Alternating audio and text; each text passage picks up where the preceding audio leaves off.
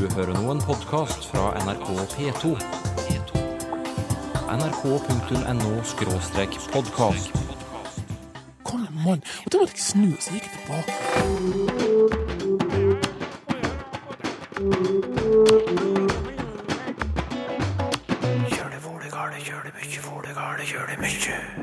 Eftalmorskopisk sentral epitukural fibrose. Får du også uforståelige brev fra sykehuset? Jeg blir på en måte umyndiggjort. Nå er ordet sigøyner strøket av svartelisten her i NRK. Når en god del av de norske romene sier at de ønsker å bli kalt sigøyner, så mener vi at det er dumt å ha et sånn totalforbud mot ordet. Din yndlingsvokal, Sylfest Lomheim, hva er det? To vokaler. Å, to? Eh, hvilke da? Au. Hva? Lang A som blir til au. Som i Baut. Soleisen er det, som vi sier. Du skal få demonstrere mer litt senere. Hva står det i brevet fra sykehuset?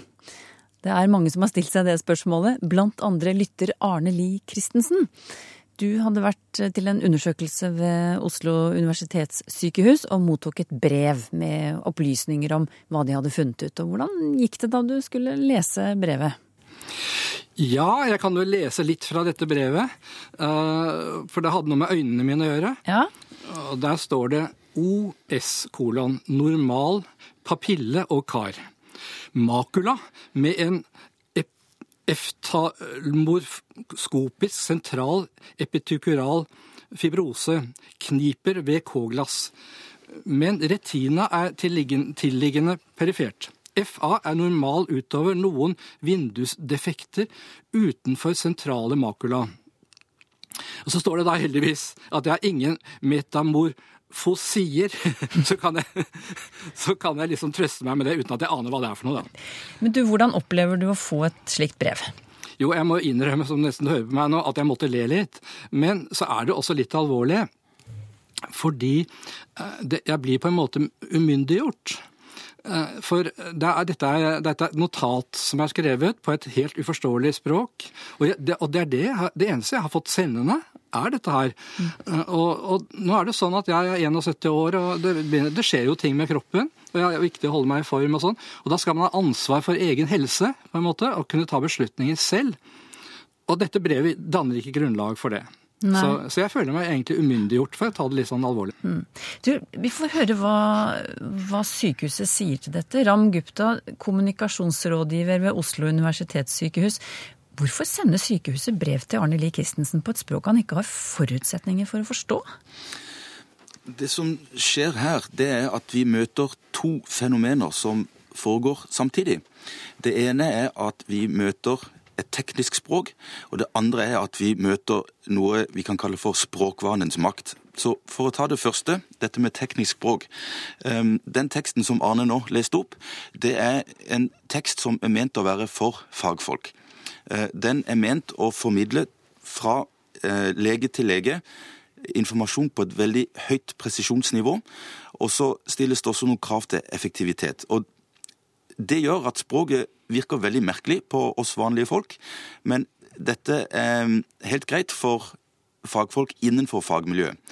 Um, Så det er den ene tingen. Det andre, det er dette med språkvannens makt. Det er nesten litt sånn at sånn gjør vi, fordi sånn gjør vi. Um, Hva mener du med det? det, ja, ikke sant. Godt spørsmål. Innenfor helsevesenet og en hvilken som helst annen bransje eller samfunnssektor for den saks skyld, så, så legger man seg til noen språkvaner.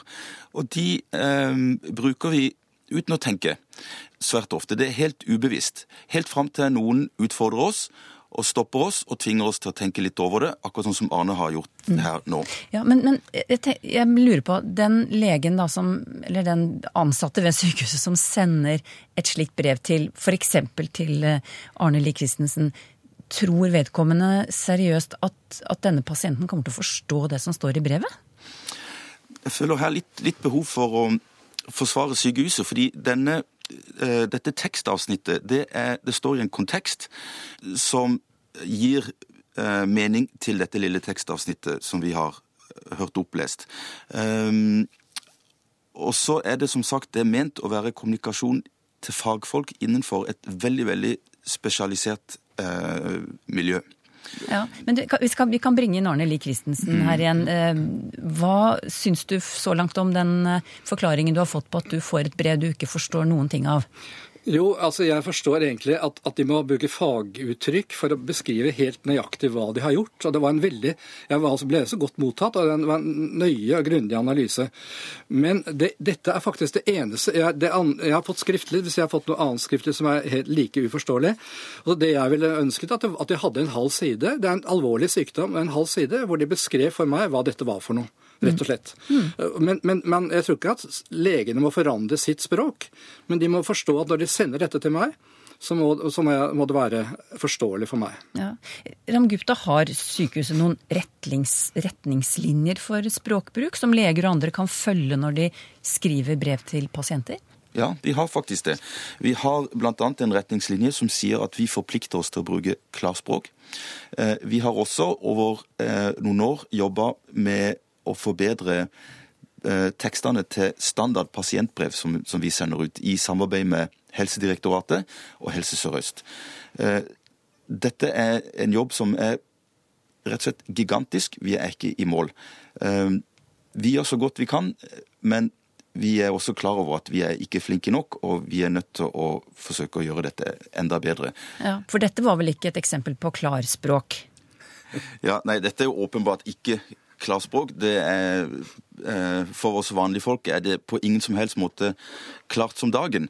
Eh, dette er teknisk språk. Det er ment å være eh, mellom fagfolk. Og så er det blitt slik etter hvert at tekster av denne typen er i ferd med å bli tilgjengelig for folk flest.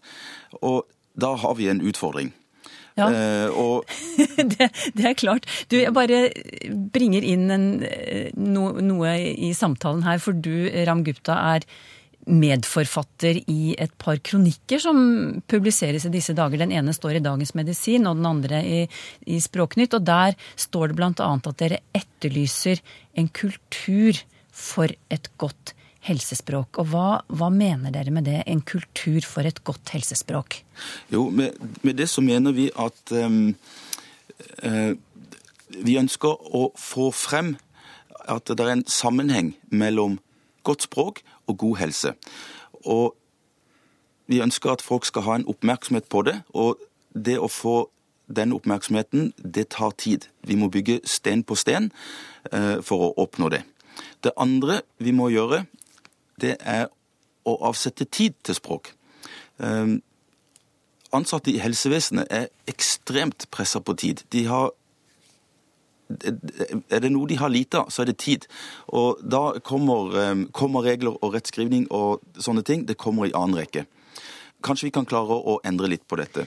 Hva skal til for at eh, sykehus og andre helseinstitusjoner skal bli flinkere til å skrive, så, så vi pasienter og pårørende forstår? Ja, Det vi tenker på med og min kollega Anders Kartsov, det er at vi må ha en nasjonal klarspråkstrategi for helsevesenet. Hva betyr det? Intet mindre.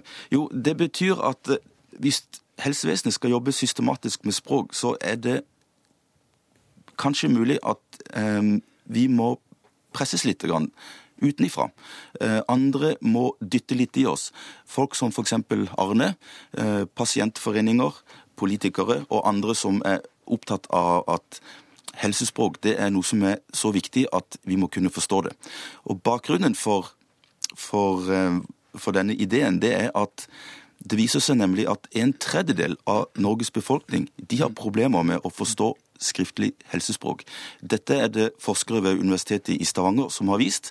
En tredjedel av befolkningen det er veldig veldig mange mennesker. Det er nesten to millioner personer.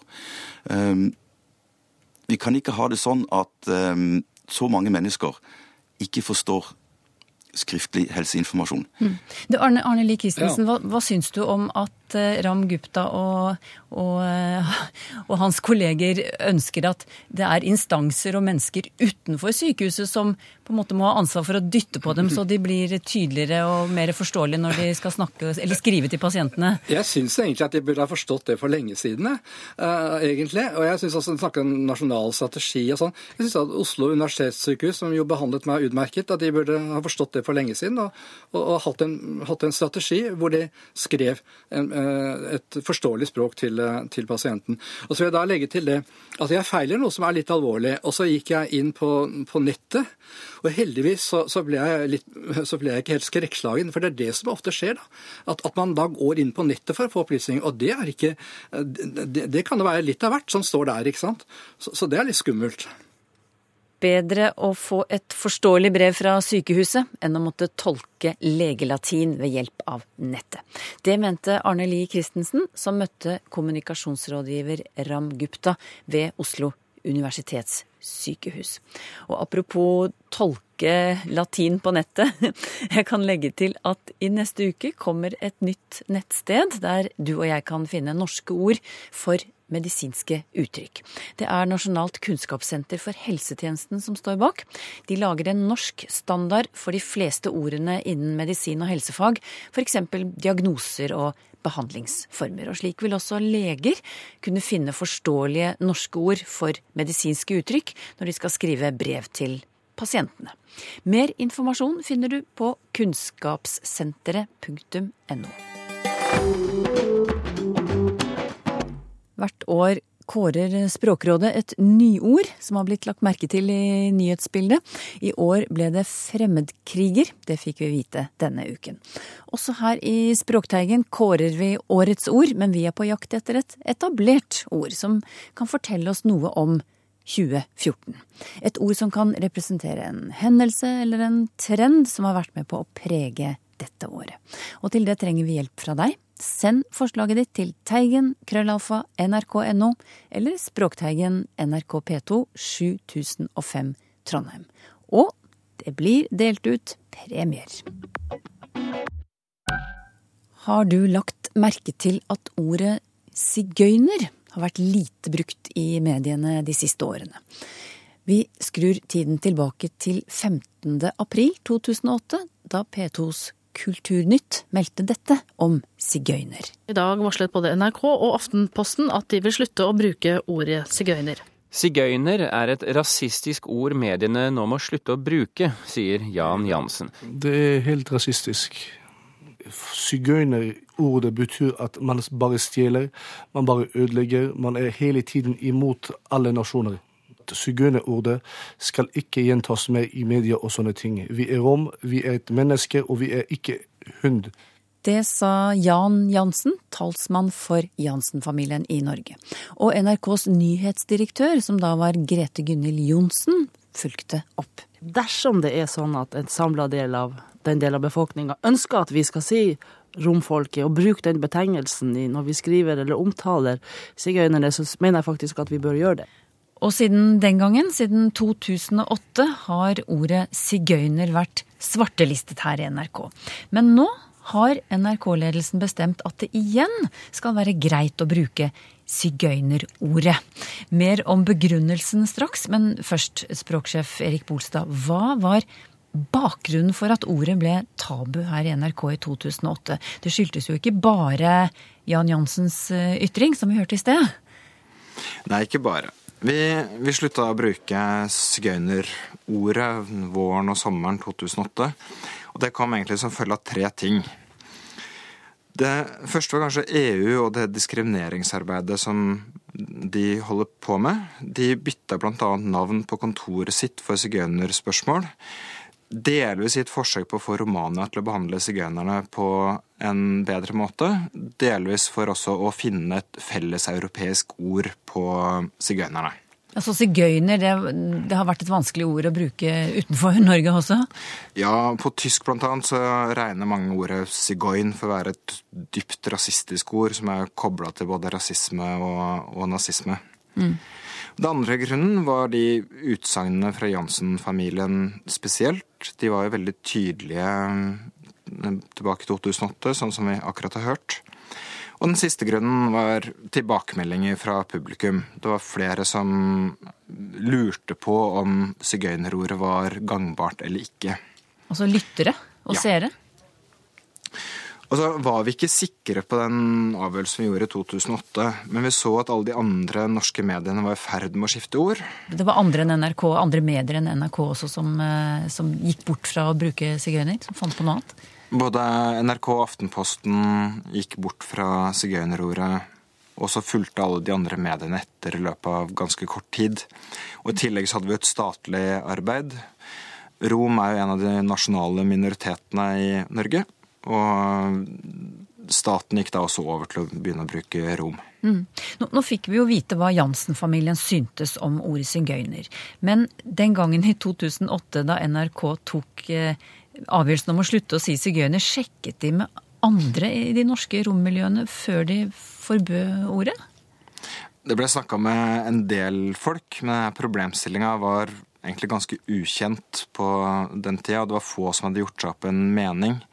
I dag så er det flere som har gjort seg opp en mening, også blant de norske eh, romene. Og i dag er det mange av dem, som, eller en del av dem, som sier at de ønsker å bli kalt sigøyner. Men det her er uoversiktlig i hele Europa. Vi ser i alle land. I Frankrike er det også en relativt stor gruppe som foretrekker å bli kalt sigøyner framfor rom. Mm. Du, la oss lytte til et klipp fra P2-programmet Kulturhuset fra 2012. Der møter vi artisten Raja og datteren Natasha Bilenberg. Og de blir spurt om hva de helst vil kalles. som min sønn som sitter i studio her, han vil kalle seg rom. Jeg vil kalle meg sigøyner. Men hvorfor vi kaller oss sigøynere? For i Russland er det en annen forhold til sigøynere. Det er en annen kultur. Sigøynere har kommet inn i russisk kultur og tradisjoner. Mens i, i Vesten har sigøynere blitt veldig dårlig tatt imot. Og Mm. derfor er vi, er vi rom. Så, så, men hva skal vi si, da? Ja, best. Vi er tross alt i Vesten, Ja. så det er bedre å si rom. Da sier vi rom. Nei, jeg, vil, jeg er sigøyner. Jeg er sigøyner, sa Raja Bilenberg her i NRK for to år siden. Du hørte også datteren Natasha Bilenberg. Og nå har eh, NRK nettopp bestemt at vi igjen skal kunne kalle personer for sigøynere. Eh, Hvorfor det, Erik Bolstad? Sigøyner er et norsk ord som fungerer helt fint i språket vårt. Vi er ikke noe i tvil om hvordan vi skal bøye det eller bruke det. Rom er et litt mer uvanlig ord, som folk er usikre på hvordan de skal bøye. Men når en god del av de norske romene sier at de ønsker å bli kalt sigøyner, så mener vi at det er dumt å ha et sånn totalforbud mot ordet. Mm. Så hva, hva er da retningslinjen? Hva er reglene for bruk av rom og, og sigøyner? Nå sier vi at, du, at journalistene våre kan bruke begge ordene. Når vi har intervjuobjekter som ønsker å bli kalt rom, så kaller vi dem rom. Når de ønsker å bli kalt sigøyner, så kaller vi dem sigøyner.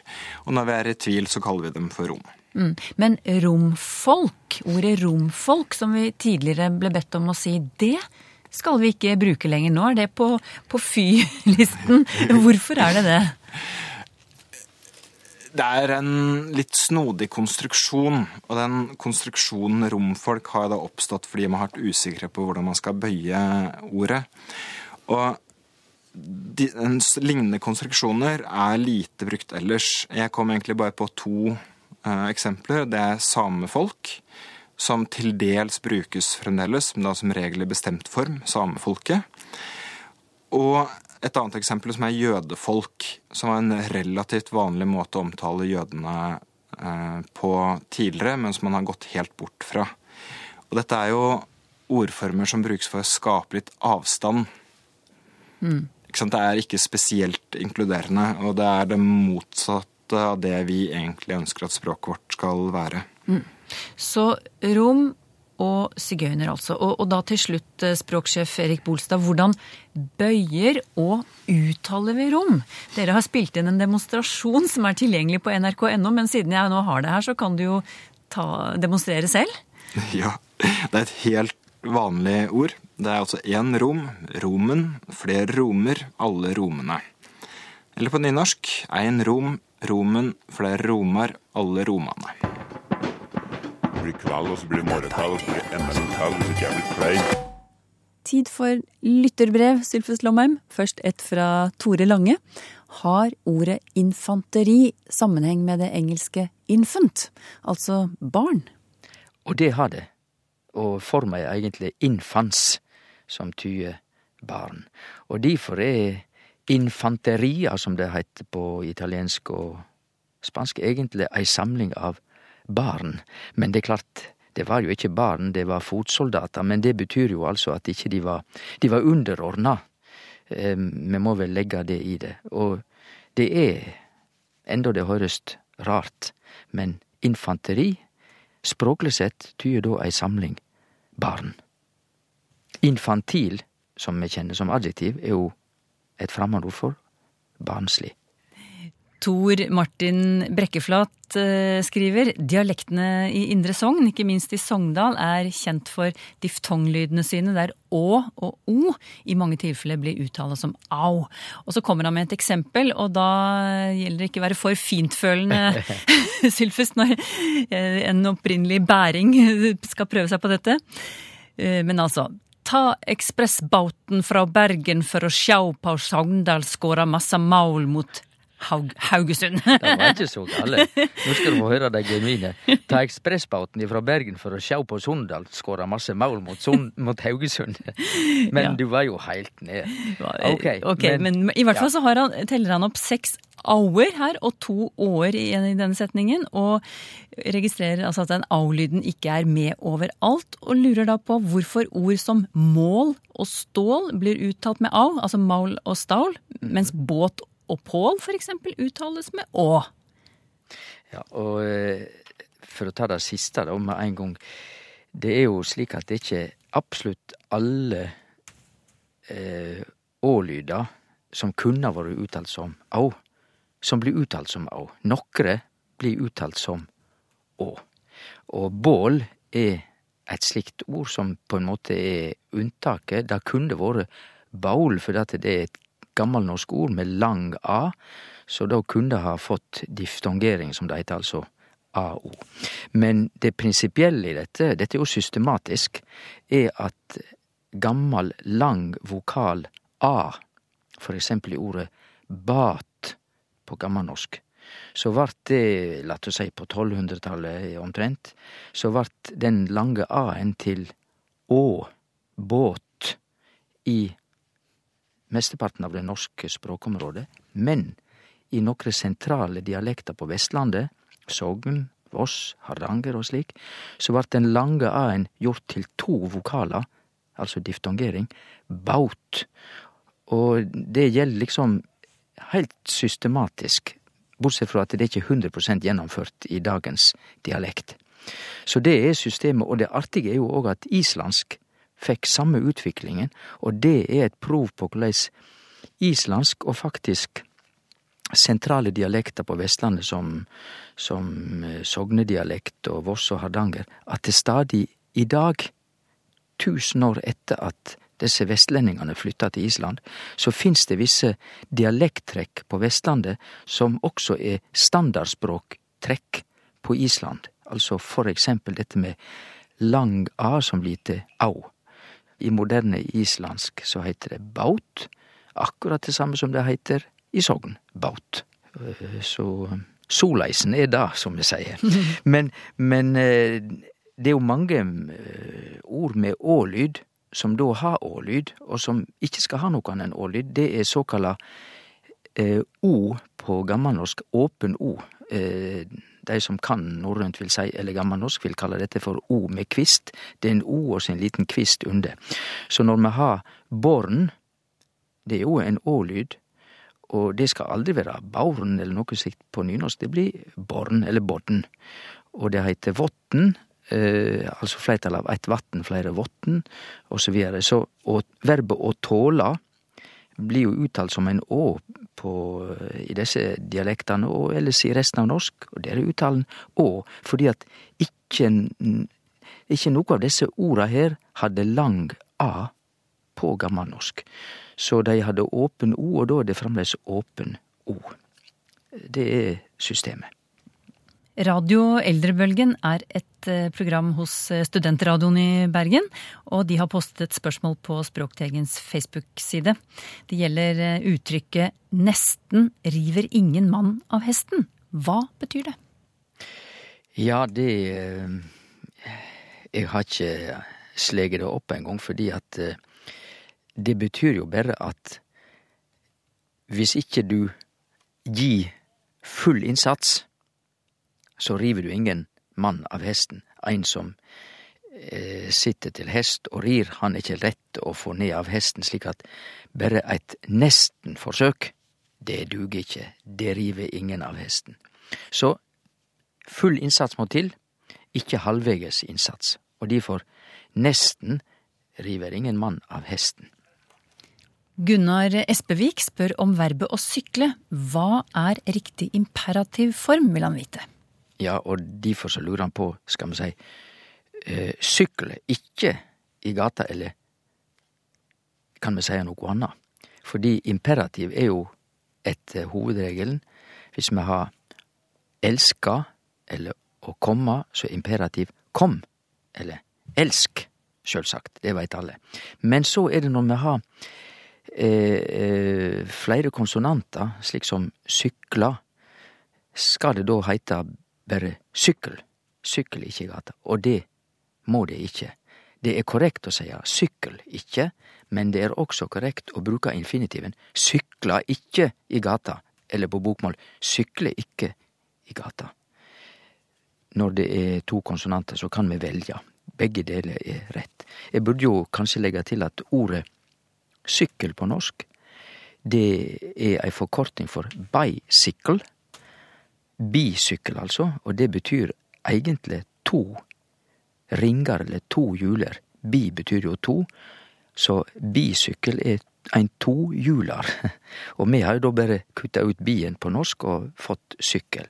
Og dette ordet sykkel, det er et gresk ord, gammelt gresk ord. Um, vi kjenner det i romansyklus og i syklon og syklisk. Alt dreier seg om noe som går i ring. Så en syklon er altså en kvirvelvind, en som går i ring. Og når noe er syklisk, så går det i ring. Og en romansyklus er altså en, en bokring, altså det er flere bøker som utgjør en, en ring. Alt kjem fra kyklos, på gresk, som betyr ring. Har du spørsmål til Språkteigen? Skriv til Teigen, krøllalfa nrk.no, eller til Språkteigen, NRK P2, 7005, Trondheim. Så finner du oss også på Twitter og på Facebook. Er det greit å rette på andres skrivefeil? Og hvordan føles det å bli korrigert i full offentlighet? Språkteigen om en uke.